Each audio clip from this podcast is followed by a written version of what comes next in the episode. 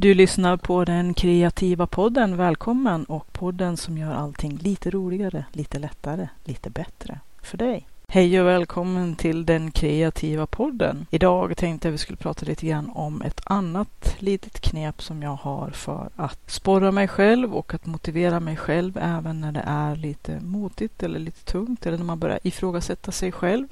Det handlar ju om eh, olika sätt att eh, mecka runt sin egen hjärna Eh, hacka runt sin egen hjärna som jag brukar tänka.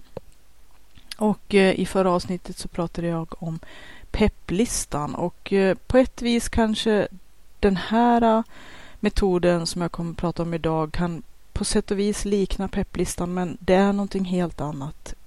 Och jag ska försöka att förklara så bra jag kan skillnaden mellan pepplistan och det som jag brukar kalla tvivla inte-listan det är något som jag uppfann helt nyligen då när jag gång på gång kom underfund med att jag ständigt, ständigt ifrågasatte mig själv och mitt kreativa arbete på samma sätt och av samma skäl. Och att de skälen som jag hela tiden anför eller attackerar mig själv med då när det är lite mörkt och lite svart sådär. Det är samma argument och faktiskt är det ju också då när jag tänker efter fördjupa mig i om man nu ska kalla det för försvar. Jag tycker det, det är väl det som är lite tråkigt att man ska behöva försvara sig och sitt kreativa arbete, både mot kanske ibland omvärlden och andra, men inte minst mot sig själv, att man är, som jag sa i förra podden, sin egen bästa fiende, eller sämsta fiende. Alla de här tvivlen och eh, alla de här ifrågasättandena som man har internt, de kan vara nästan värst och giftigast många gånger. Och därför så helt nyligen så kom jag underfund med varför ska jag ha de här samma interna diskussionerna med mig själv om och om igen när det liksom ändå, när jag får tänka efter och liksom verkligen analysera situationen igen, så kommer jag fram till samma argument varför jag faktiskt ska hålla på med en viss sak eller det här. Och att det är samma argument som anförs emot och samma argument som anförs för. Och att försidan vinner. Annars skulle jag naturligtvis inte fortsätta med de olika sakerna som de här tvivlen handlar om. Så att eh, det är lite skillnad på pepplistan för den är ju mera den här eh, när man är i smekmånaden av någonting, en idé eller ett projekt eller någonting som man vill genomföra och förverkliga som, som bygger på allt det positiva som jag tycker är jättebra att fånga upp medan man har det som också kan vara ett jättebra motmedel mot de här negativa rösterna och de här tvivlen som ja, då och då poppar de upp. Speciellt när man inte har så mycket energi och när man är ganska så försvarslös och att man lätt hamnar i de här groparna utav ständigt återkommande samma negativa självprat och negativa saker som man hela tiden anför mot sig själv. Och eh, också kanske till viss del bygger på vad man brukar säga janteandarna, jante, jantelagen och de här negativa stråken som finns i vår kultur i största allmänhet. Speciellt emot människor som är kreativa eller som vill köra sitt eget race och göra det de drömmer om och förverkliga sig själva och sin dröm. Att inte leva ett inrutat och eh, kanske förutbestämt liv som alla andra har bestämt åt dem efter mall och schablon som kanske inte alls kommer att bli särskilt kvalitetsrikt liv utan man kommer mycket kanske att uppfylla andras krav eller andras eh, förväntningar på en själv och det är inte kanske alltid är det bästa inte det mest kreativa alla gånger. Den här pepplistan i alla fall, som vi pratade om i förra avsnittet, det är ju mer det här fånga upp allting som är jättepositivt och göra en laddad just när man är i det här äh, nästan maniska, febrila tillståndet utav eufori och när man liksom ser alla visioner, alla drömmar och allt det här. Det är ju lite grann en, en lista som siktar in sig på visioner och målen. De här drömmålen som man har, eller deldrömmålen kanske på vägen. Den här tvivlarlistan är lite annorlunda eftersom att den, den egentligen är ett försvarsverk. Det låter hemskt att behöva säga det. Och lika igen, samma sak det här med att varför ska man behöva försvara sig själv och sitt kreativa arbete mot, inte bara mot alla andra kanske och resten av världen, utan även mot sig själv. Det låter ju helt inte klokt. Men vi är ju människor och vi fungerar ju lite på det här sättet, lite var man. Tvivla inte-listan, det är att man sätter sig ner när man verkligen, som jag gjorde då för inte så länge sedan, tröttnar på de här ständiga interna diskussionerna och brottningsmatcherna med sig själv och sina analytiska tankar kring varför och vad håller jag på med och vad är det för idé och hur kan jag motivera det här och så vidare. Och så vidare. Så att sätter sig ner en gång för alla och så skriver ner, fäster på papper de här argumenten som då när man spottar upp sig lite grann och, och nyktrar till kanske lite från det här negativa eh, kan se att nej men det här är faktiskt viktigt och det beror på det här och på det här och på det här. Och jag kan ta ett konkret exempel eftersom att det blir väldigt luddigt annars. Och det är att jag har, jag arbetar hemifrån. Och eh, arbeta hemifrån är både en fröjd och en välsignelse och en förbannelse. Förbannelsen är ju att man faktiskt på ren svenska blir skogstokig om man ska sitta innanför samma, 24 vägg, samma väggar 24-7. Och det går inte riktigt, det håller inte. Och den som är först att, att påpeka det för mig, det är min man som, som han sa då när jag brottades med de här argumenten mot mig själv, varför jag ska ha ett, ett annat ställe, ett kontor på annan plats. Ehm, så sa han att du kommer bli galen. Och det är ju faktiskt han som får brottas med ifall att jag blir galen och det är ingen framtidsutsikt som han riktigt är så skitsugen på. Härligt! Så rent själviskt så tycker han att det är väldigt bra och väldigt lämpligt och i högsta grad önskvärt att jag har ett ställe utanför hemmet där jag kan syssla med mina kreativa projekt och arbeta även då på annan ort. Vilket är ju fullkomligt vettigt och sunt. Och om man nu inte kanske kan ha en, en plats, ett kontor, hyra ett kontor någonstans på annan ort eller bortanför sitt hem så kan man ju kanske i alla fall ha ja, en författarstuga eller en friggebod eller något hörn, något eget hörn där man kan hålla till med sina, med sina kreativa eh, arbeten och projekt. Men det var inte riktigt det som det hela handlade om, utan mer det här att ibland kan jag tycka att det är förfärligt att jag då ska ha det här stället för det kostar pengar.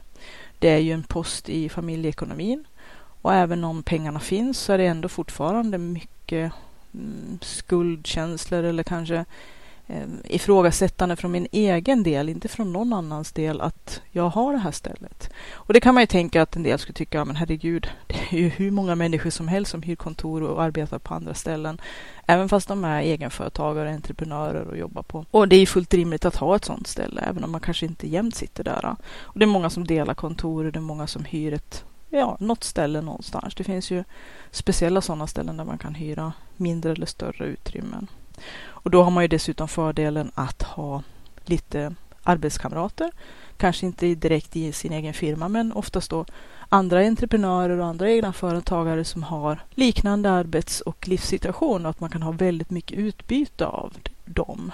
Och det har jag ju pratat om både i den här podden och även i min bok Skapa och sälj som riktar sig väldigt mycket till entreprenörer och egenföretagare och personer som vill driva egen näringsverksamhet på hobbybasis eller på mer än hobbybasis. Det här med att ha ett nätverk och att ha personer som man kan ha utbyte av som förstår en, som är i samma sits och som man kan ha väldigt mycket hjälp och nytta av och man kan ja, jag ska inte ta den diskussionen nu, men just det här med att ha ett annat ställe. Då och då så kommer de här äh, känslorna av att nej men ska det verkligen vara nödvändigt och är jag inte riktigt klok och det här kanske jag inte borde. Det finns ingen motivation och bla bla bla bla bla bla. Men då har jag ju faktiskt en hel radda med argument. Och de här argumenten måste jag ju då gå igenom varje gång för att liksom igen då analytiskt och nyktert motivera mig själv att faktiskt inte tvivla på att det här är rätt.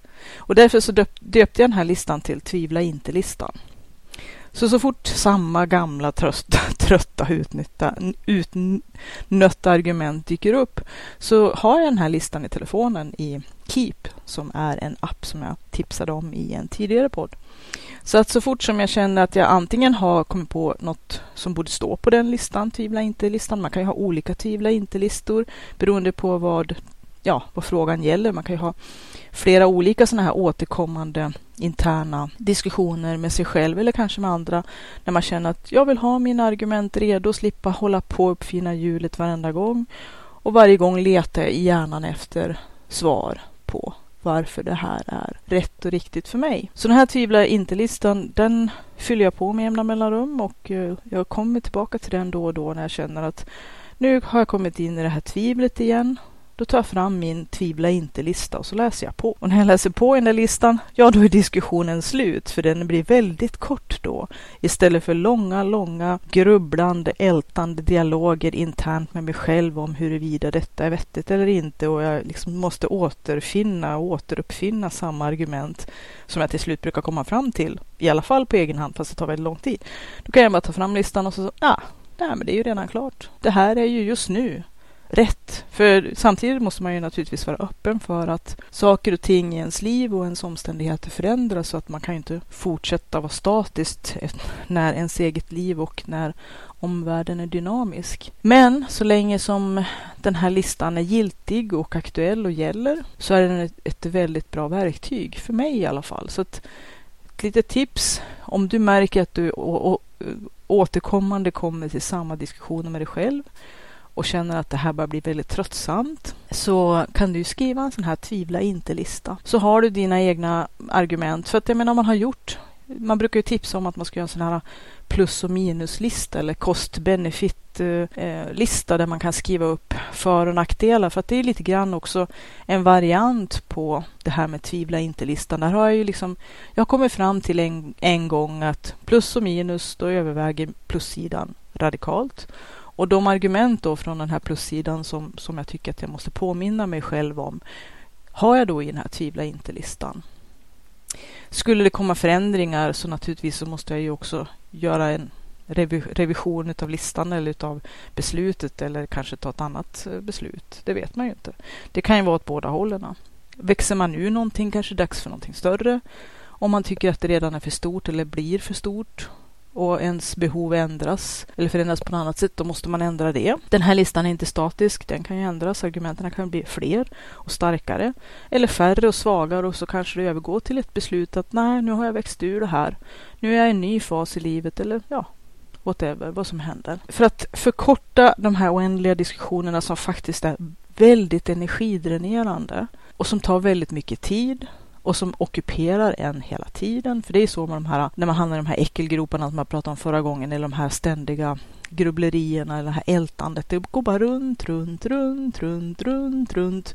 Det är som en evig eh, loop eller någon slags volta som det brukar finnas i sådana här ridhus för ridskolehästar. Det går bara runt, runt, runt. Det händer inte så mycket egentligen på vägen för man kommer ju ingenstans. Man är ju kvar och det går bara runt, runt, runt. Det är, nog, det är nog faktiskt mycket roligare naturligtvis att vara i ett ridhus och faktiskt lära sig att rida, för då händer i alla fall någonting. Men rent eh, transportmässigt så har man inte kommit så långt. Men så det kanske är ett lite dåligt exempel. Men däremot så är just det här att det är väldigt energikrävande, det tar väldigt mycket tid, de här diskussionerna kommer ständigt upp och det blir ett väldigt ältande och grubblande. Och så ska man försöka leta reda på de här argumenten som ibland kommer snabbt och självklart och ibland inte så snabbt och självklart för att man ja, är lite låg. Man har haft en del motgångar. Man har ju sådana perioder man tänker vad är det för mening med det här? Eller vad är det för mening med någonting överhuvudtaget? När det är riktigt tungt och riktigt mörkt sådär. Det brukar gå över i och för sig och så brukar man sen tänka med Gud, hur tänkte jag då liksom? Så tycker jag ju inte egentligen, inte normalt i alla fall. Men som sagt, de här diskussionerna och jag har ju haft eh, ett eh, eget ställe, lite olika ställen faktiskt, under hela tiden som jag och min man har varit gift. Och det är ju ett antal år nu. Och det har ju varit en sak som vi, ja, som har varit självklar för oss hela tiden. Men jag ibland då kommer in i de här tvivlen, inte så mycket han. Och då när det vid något tillfälle blev att jag kände att nej, men det här kanske verkligen är helt fel. Och han är en sån som inte vill styra så mycket på det viset. Han vill inte påverka andras beslut. Så han förhöll sig ganska så passiv och inväntade mitt att jag skulle komma fram till rätt slutsats så att säga. Det brukar han för det mesta göra. Men eh, då när jag till slut kom fram till att det här var helt absurt och kom fram till fel så då, då sa han bara helt enkelt, då blir du galen. Han har ju rätt. Det skulle vara fruktansvärt jobbigt. Det går några år att sitta innanför samma fyra väggar. Och det finns naturligtvis andra lösningar på, om man nu säger att man jobbar hemifrån på olika sätt, eller ganska mycket jobbar hemifrån, så kan det ju vara så att man kanske helt enkelt inte har råd att ha ett, ett extra ställe, hyra ett rum eller ett kontor eller vara någon annanstans. Men det finns lösningar på det också om man är lite, lite kreativ.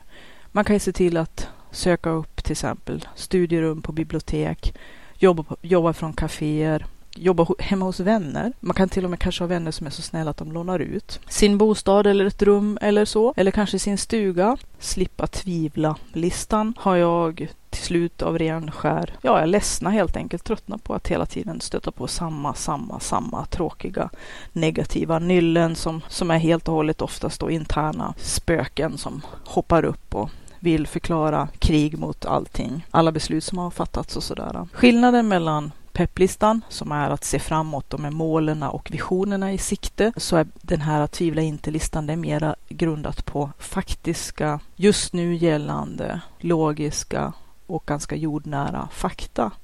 Att eh, man kanske till exempel har beslutat sig för en viss sak och så har man de argumenten listade till varför det beslutet är fattat och varför det beslutet ska fortsätta att gälla tills naturligtvis om inte någonting stort händer som gör att det helt är off. Men det är ju en annan historia.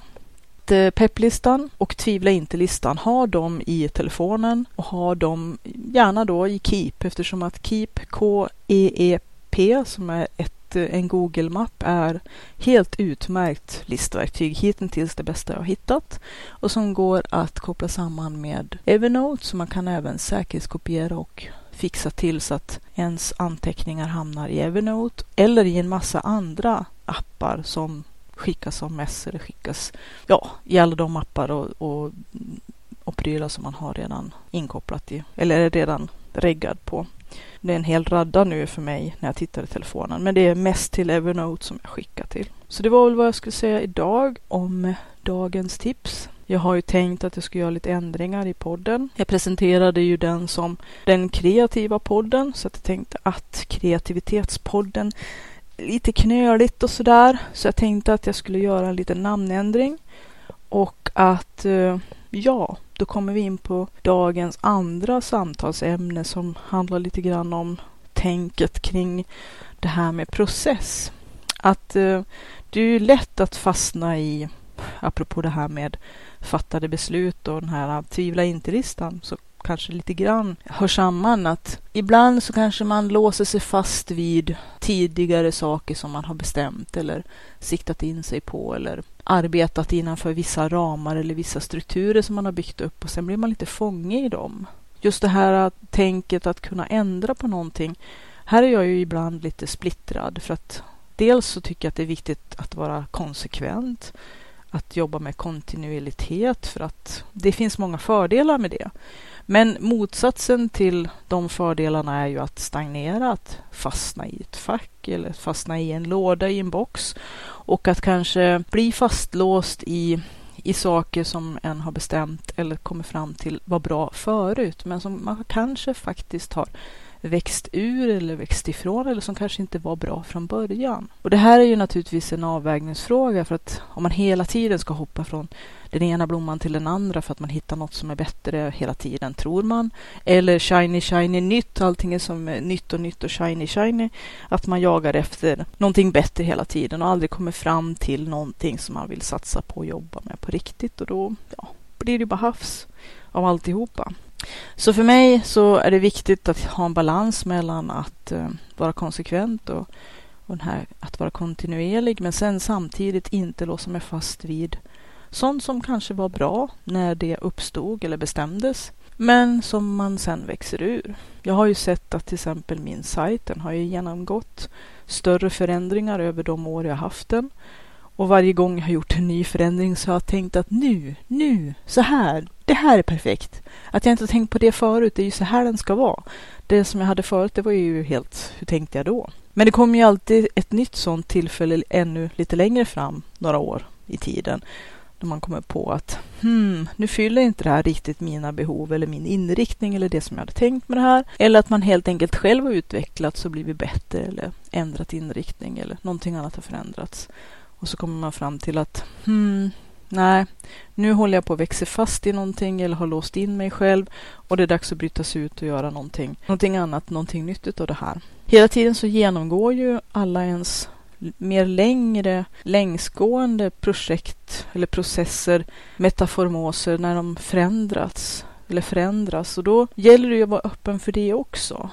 Utan att hamna i det här äh, hoppjerke-fenomenet att man aldrig ger någonting tillräckligt med tid, och att man bara hoppar hit och dit efter nytt, nytt, shiny, shiny eller är lite för impulsiv eller kanske inte har tålamod att, eller koncentration att jobba med någonting lite längre och lite djupare för att låta det faktiskt få chansen att bli någonting. Och så har det ju varit med den här podden också. Från början så ville jag göra det till någonting som då kändes naturligt och bra och vettigt och kul för mig. Och det var att jag kallade det för Pärlpodden. Det var tänkt som en kreativ podd kring skapande. Och att jag medan jag när jag spelade in poddavsnitten satt och pärlade att det var lite grann min grej. För att det är ganska trevligt att ha någonting för händer och samtidigt bli lite mer avdramatiserat. Just själva inspelningen kan ju vara ganska, faktiskt ganska på något vis psykiskt krävande att liksom sätta sig ner och tänka att nu ska jag sitta och prata om någonting som är jätteintressant och spännande jättelänge och jättefokuserat och det ska vara jättestrukturerat och, och ge folk jättemycket. Och jag gör ju det helt och hållet utan manus. Jag har några stolpar. Men eh, sen efter ett tag så dels så lät det för mycket i bakgrunden och eh, jag ofta faktiskt blev lite för fokuserad, eller lite för låter fel. Det krävde ganska mycket koncentration och fokus att prata om det som jag ville förmedla. Och därför så avstannade handarbetet och det kändes som att det var dags att ändra form så att jag bytte namn och det blev Kreativitetspodden. Vilket nu känns liksom lite långt och knöligt och att jag tänkte att jag skulle kalla det för den kreativa podden. Det är inte jättestora förändringar men det är ändå en process. Och det här med process tycker jag är intressant. Dels att jag brukar hela tiden när folk blir lite förtvivlade och tycka att, ja, att saker och ting inte blir som de har tänkt sig eller som de vill eller tillräckligt fort eller att det händer för fort eller ja, en massa olika saker som gör att man liksom förtvivlar lite grann och tänker gud, vad håller jag på med? Så brukar jag säga att allting är ju work in progress. Men det här med work in progress, det kan ju också vara lite olika saker. Är det en process eller ett projekt? Projekt kan ju vara en process i och för sig, lite grann i lite mindre format. Men eh, att det kan ju vara bra kanske att försöka bena ut ibland. Vad är en process som är mer långtgående och vad är ett projekt som är mer avgränsat?